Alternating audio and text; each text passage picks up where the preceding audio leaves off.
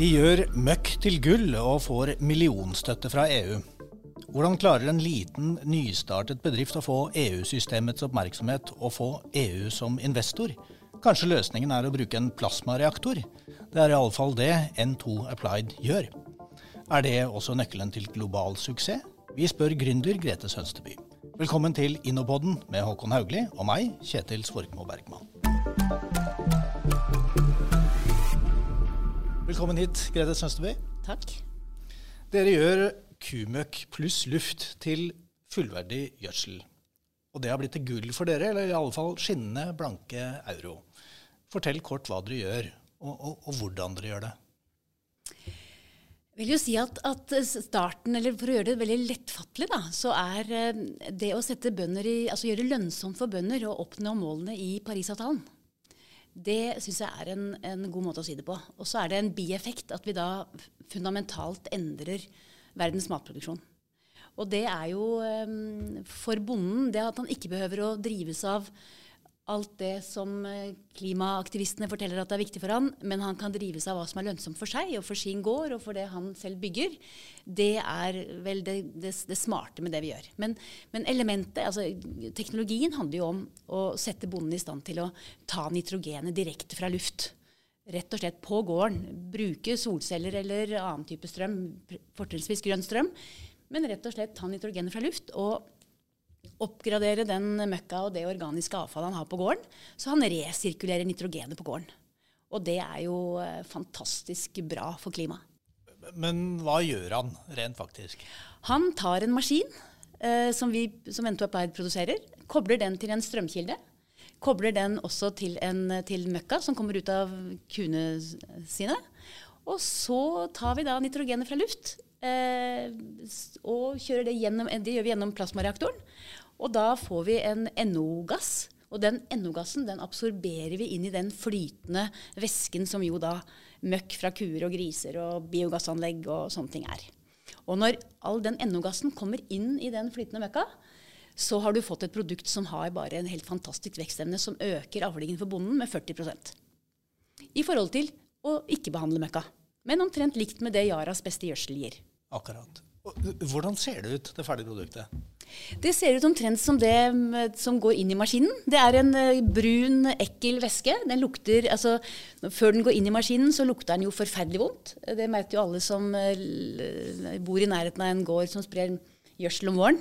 Eh, eller møkk om våren. Eh, så den ser nesten likedan ut, men når den kommer ut av maskinen, så lukter den eh, mørk sjokolade, syns jeg, da. Eller litt hint av lakris. Eh, også litt over mot saltvann. Eh, litt sånn. Men er, det at du fjerner lukta, er jo et kjempepoeng for mange bønder, som gjør at du får bedre naboskap. Og på et land som Danmark f.eks., hvor det å spre møkk inn mot sykehus eller landsbyer eller annet, det, det er det mye restriksjoner på. Så bonden mister mye, mange frihetsgrader bare pga. det at det han driver med, lukter sånn. Eh, det å fjerne det er liksom nesten like stor effekt for mange som at du får veldig stor veksteffekt. Ja. Håkon, ja. N2 Applied bruker altså norsk teknologi, reduserer utslipp, bidrar til økt matproduksjon. Og samtidig så har bedriften og teknologien helt klart store muligheter for eksport. Mm. Er det et kinderegg? Ja, det er akkurat det. Det er en fantastisk bedrift. Um, og det er så gøy å høre Grete fortelle om hva det er uh, de gjør. Fordi plasmareaktor er jo kanskje et ord vi ikke akkurat har i vokabularet alle sammen. Men anvendelsen helt fantastisk. Dette kan virkelig endre måten vi driver eh, landbruk på, ikke bare i Norge, men i hele verden. da, Sånn sett et eksportpotensial. Og så er det jo en bedrift da, som, eh, som springer ut fra god kunnskap og, og erfaring. Uh, og som, som, Det er gøy det du begynte å si da, Kjetil, om EU-finansiering. Det er sånn skikkelig kvalitetstegn. Da er noen som har vært inne og vurdert. Har dette noe for seg? Treffer det på bærekraftsmålene? Er det skalerbare løsninger osv.? Og, og den prosessen har NTU Applied vært gjennom og kommet ut med, med en, forpliktende investering fra EUs side. Så dette er det ikke bare vi som sitter her som sier, dette er prøvd.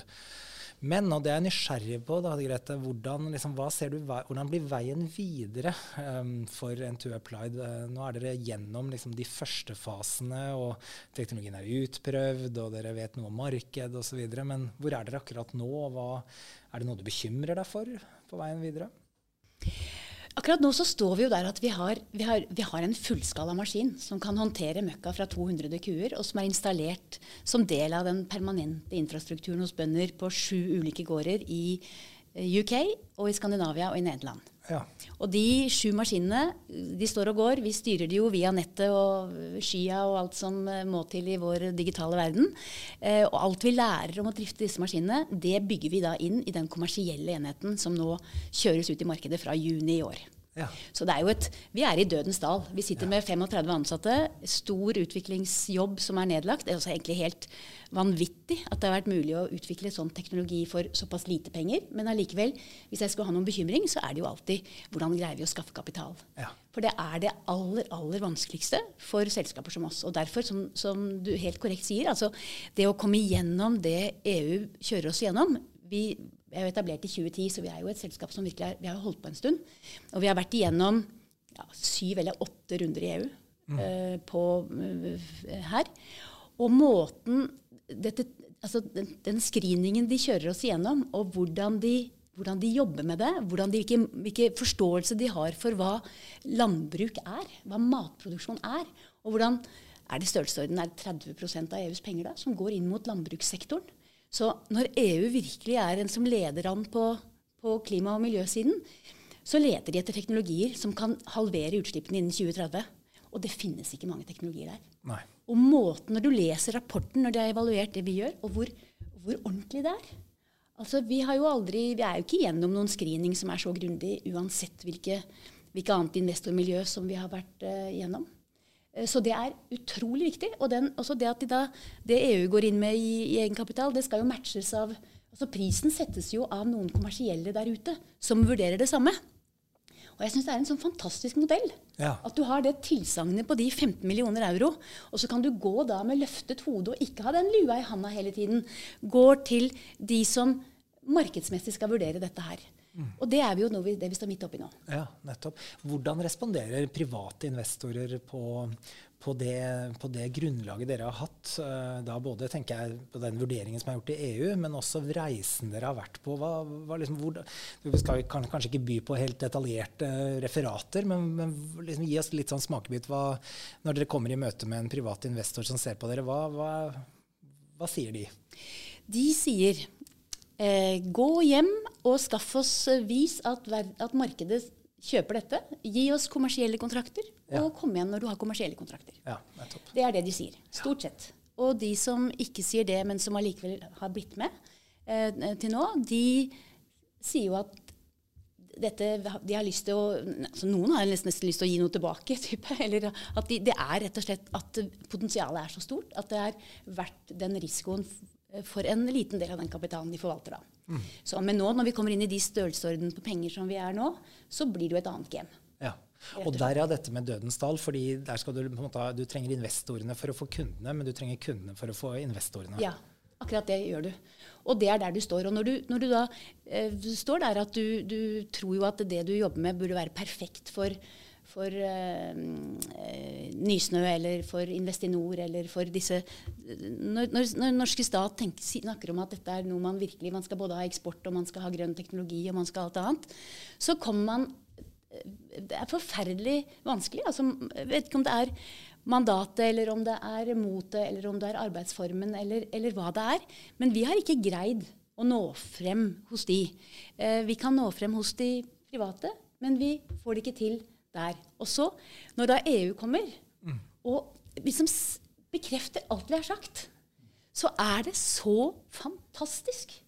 Du, det er noe med den psykologien for en, en, en gründerbedrift eh, som ikke har inntekter ennå, eh, hvor det der er helt gull verdt. Mm. Eh, både i kapitalmarkedet, men også i, i sånn indremedisinsk. Du, du, du har jo ikke uendelig med energi for å bringe dette frem. Eh, og sånne typer klapp på skulderen hjelper veldig. Mm. Si litt mer om det. Hva har det faktisk betydd at dere har fått den støtten og, og investeringen fra EU? Eh, ja, det betyr jo at vi veit at i løpet av uh, dette året så vil vi klare å finne eller hente 300 millioner kroner til den videre skaleringen av denne teknologien i hele verden. Eh, altså det, det, det, vet vi at det vil gå. Vi vet ikke hvilken pris den hentes inn på. Som, som eier så kan jeg være bekymret for burde vi ta dette i mindre bolker. og som sånn, Men sånn kan man ikke tenke. Man må tenke dette markedet med verdens matproduksjon er så stort, den kaka er så stor, at uansett hvordan du gjør med å være smart på å strukturere kapitaliseringsløpet, så er mye kapital bedre, enn, bedre enn lite kapital. Så den, den, eh, muligheten som det innebærer, gjør at vi kan planlegge stort. Vi kan finne de allierte i UK, EU, Danmark, som et stort landbruksland, USA, som vil ta teknologien, og som vil bruke det distribusjonsnettet de har, eller den produksjonskapasiteten de har, eller hva det måtte være. Men det betyr jo da også at det er overhengende sannsynlig at Ento Applied er på utenlandske hender i løpet av det neste året. Mm. Og da er vi inne på det som jeg syns er veldig interessant, at norsk eksport. Vi skal ha norske eksportinntekter. Det hadde vært så fantastisk om det var Nysnø eller Investinor som hadde gått inn i, i de rundene vi hadde tidligere. Da hadde vi sittet med norsk eierskap her lenger, og vi kunne hatt norsk eksportinntekt uh, i en periode som er kjempespennende å styre det fra Norge. Men dette er en utfordring. Jeg så det når jeg ledet Skatek òg. At vi, vi, eh, når vi kom dit at uh, det var i dødens dal og du skulle videre, så var det lettere for de utenlandske. Altså i, for Skatek Solar så var det jo de japanske som kom, i Tortsju. Som kom virkelig og, og, og tok denne, denne rollen. Uh, for Norsk Titanium så var det, var det sahrawiske investorene som kom. Men det, det havner veldig tidlig på utenlandske hender når det er teknologi som vi kanskje ikke har så mye kompetanse om hjemme.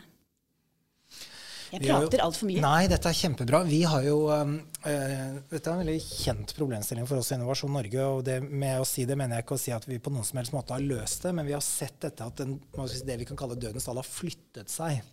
Fra å være en veldig sånn tidligfasefenomen til å være typ for skalerende bedrifter, som der hvor dere er nå. da. Og Det betyr fortsatt ikke at alle oppstartsselskaper uh, lykkes, bare for å ha sagt det. men men kapitaltilgangen er bedre i tidlig fase enn den var, men den er fortsatt et problem i senere fase. Uh, og så er jo spørsmålet hva, hva, hva, kan vi gjøre med det? Um, det vi har sett, De land som har lykkes på dette området, de har, de har mekanismer for, for, å matche, da, sånn som det EU egentlig gjør. Og altså, Her er det et område hvor jeg tror vi da, som Innovasjon Norge skal snakke veldig godt og bedre da, med våre samarbeidspartnere i virkemiddelapparatet på hvordan vi kan få det til, men hvor vi i fellesskap må ha en agenda med å få inn private investorer i tidligere faser. Der er det også noen tegn da, på at ting går bedre, og så er jo spørsmålet om hvor, hvor, raskt det vil skje. Men det har skjedd noe i løpet Jeg tror den viktigste driveren faktisk har vært et lavt rentenivå i Norge i nå over tid, som gjør at flere private investorer søker til høyere risikoinvesteringer. Men det var et resonnement rundt det. Da. Det, som, det annet som slår meg veldig Vi hadde jo besøk av Bjørn eh, Ginning, som er leder av Norges Bondelag, her i podkasten for en uh, tid tilbake. og Da snakket han om de klimaavtalene som landbruket i Norge har inngått med myndighetene, og hvordan norske bønder nå da, er på jakt etter løsninger som kan bidra til å redusere deres uh, klimautslipp. Og Det går til poenget med et hjemmemarked. Da. Hvordan kan vi utvikle velfungerende hjemmemarkeder? Det antar dere tenker mye på, på det også. Og, og, er det ting vi kan gjøre for å på en måte stimulere det? Er det skape de koblingene mellom potensielle kunder i Norge og de løsningene dere har? Spørsmålstegn. Ok, ja. Nei, men, men, og det er det jo helt, helt, åpenbart. Og vi står jo akkurat der at det å ha et hjemmemarked er jo så viktig. fordi det at vi er gode i Norge, at det er veldig bra å, å drive teknologiutvikling her. Det vet vi. Men vi vet også denne vanskeligheten med å, å, lage, å få til et, et um, hjemmemarked som virkelig, som virkelig, drar. Og det er um, bondeorganisasjonene. Altså det å klare å lage avtaler som gjør det mulig, altså som er teknologinøytrale, f.eks. Altså det å kunne klare å få til det. At det, om du, I dag så får bonden for hver, Hvis han kjører en kubikkmeter med møkk gjennom et biogassanlegg, så får han 100 kroner per kubikk. Hvis han hadde fått 100 kroner per kubikkmeter for å kjøre eh, møkka gjennom vår maskin, som er en, eh, ja, virkelig en, en, et, et, et, godt alternativ, eller et godt supplement, begge deler, så hadde han jo vært lønnsom i dag. Ja. Eh, på alle altså, Du behøvde ikke annet. Du kunne til og med hatt ganske høy strømpris, og det hadde, vært, hadde fungert fint. Så det ville vært en av de tingene som var viktig å gjøre. Og så ser vi jo at for å lage et hjemmemarked um, har vært, Vi har hatt sterkere drivkrefter i UK enn i Norge. når det gjelder dette med, Så vi har nesten sett på UK som et hjemmemarked, og det klarer vi jo ikke ordentlig. Men, men det, det, det blir Og det vi ser der, går jo på hvem er det som Ehm, hvem er det som skal betale for effektene som klimateknologi har? Altså for det at Du stopper ammoniakkutslippene, du stopper metanutslippene fra, fra husdyrproduksjon, fra gjødseldelen, altså sånn, som er store utslipp. Uh, du stopper det, men er det skattebetaleren som skal betale det? Er det, er det bonden? Er det meieriet? Eh, er, hvem, hvem, er det egentlig som skal betale for de effektene? Og den dynamikken har jo ikke falt på plass ennå. Både Boris og Biden og EU eh, er sterke på målsettingene, men hvordan betalingen skal være, er ikke helt på plass. Og det Nei. gjør noe med hvordan et hjemmemarked du, du lager det, men, men, du må greie å få den jeg tror ikke Den dynamikken faller ikke på plass i Norge heller, rimeligvis, før, før den faller i, på plass på et EU-nivå. Uh, så, så, den, Men, men det, det, det med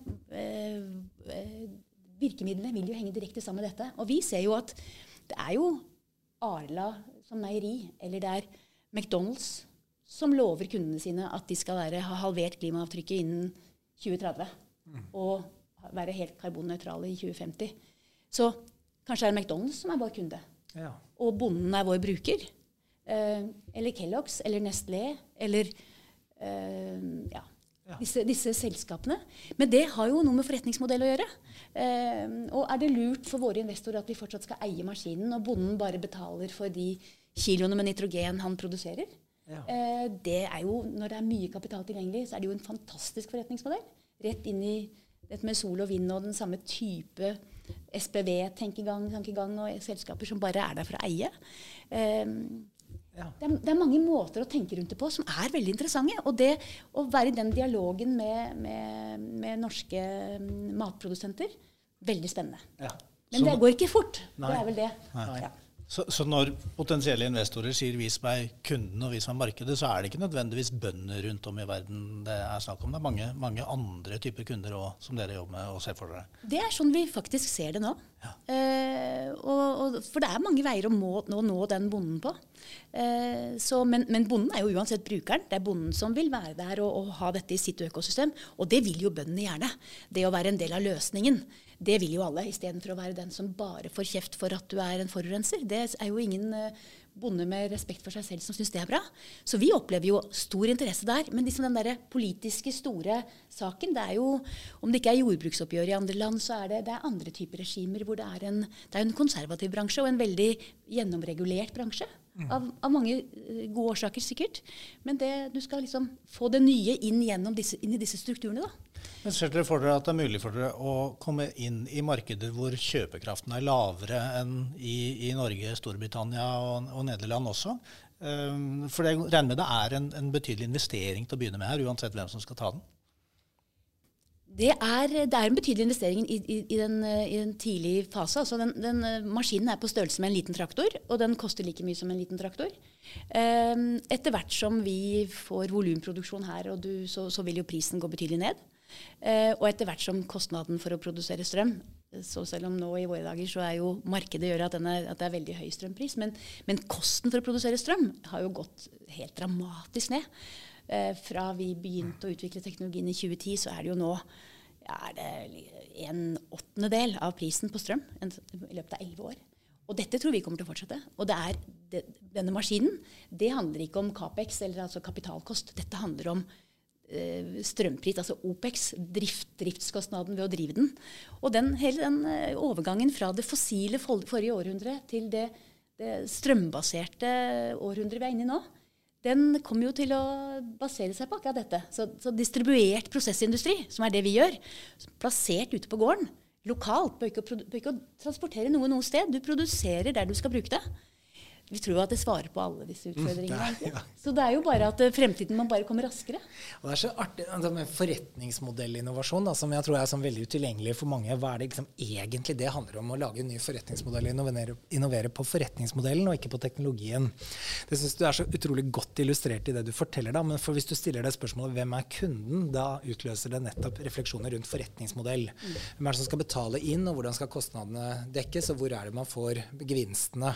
Og så innovere rundt det. Dette er et område og min påstand av den forstår for det, men her eh, det, vi, eh, har vi behov for kompetanseløft i Norge. Jeg vil tro jeg vil si Det sånn. Det er for lite refleksjoner. Vi er, blir veldig et teknologiland i vår tilnærming til innovasjon, og, og har blikket rettet mot teknologien. Og det er selvsagt viktig, for det er forutsetningen for å kunne innovere på toppen. Men å tenke liksom, er det, er det hvor, Hvem er det som eier utstyret? Hvem er det som vil betale? Er det en tjeneste vi selger? Er det et produkt vi selger? Er det kanskje andre i dette økosystemet som skal betale fordi gevinsten egentlig kommer der? Det er jo ikke bare NTU Applied som bestiller seg disse spørsmålene. Det er poenget. Dette er sånn kjerne i forståelse av innovasjon. Da, er at eh, det er mange områder å innovere på, og forretningsmodellinnovasjon er viktig.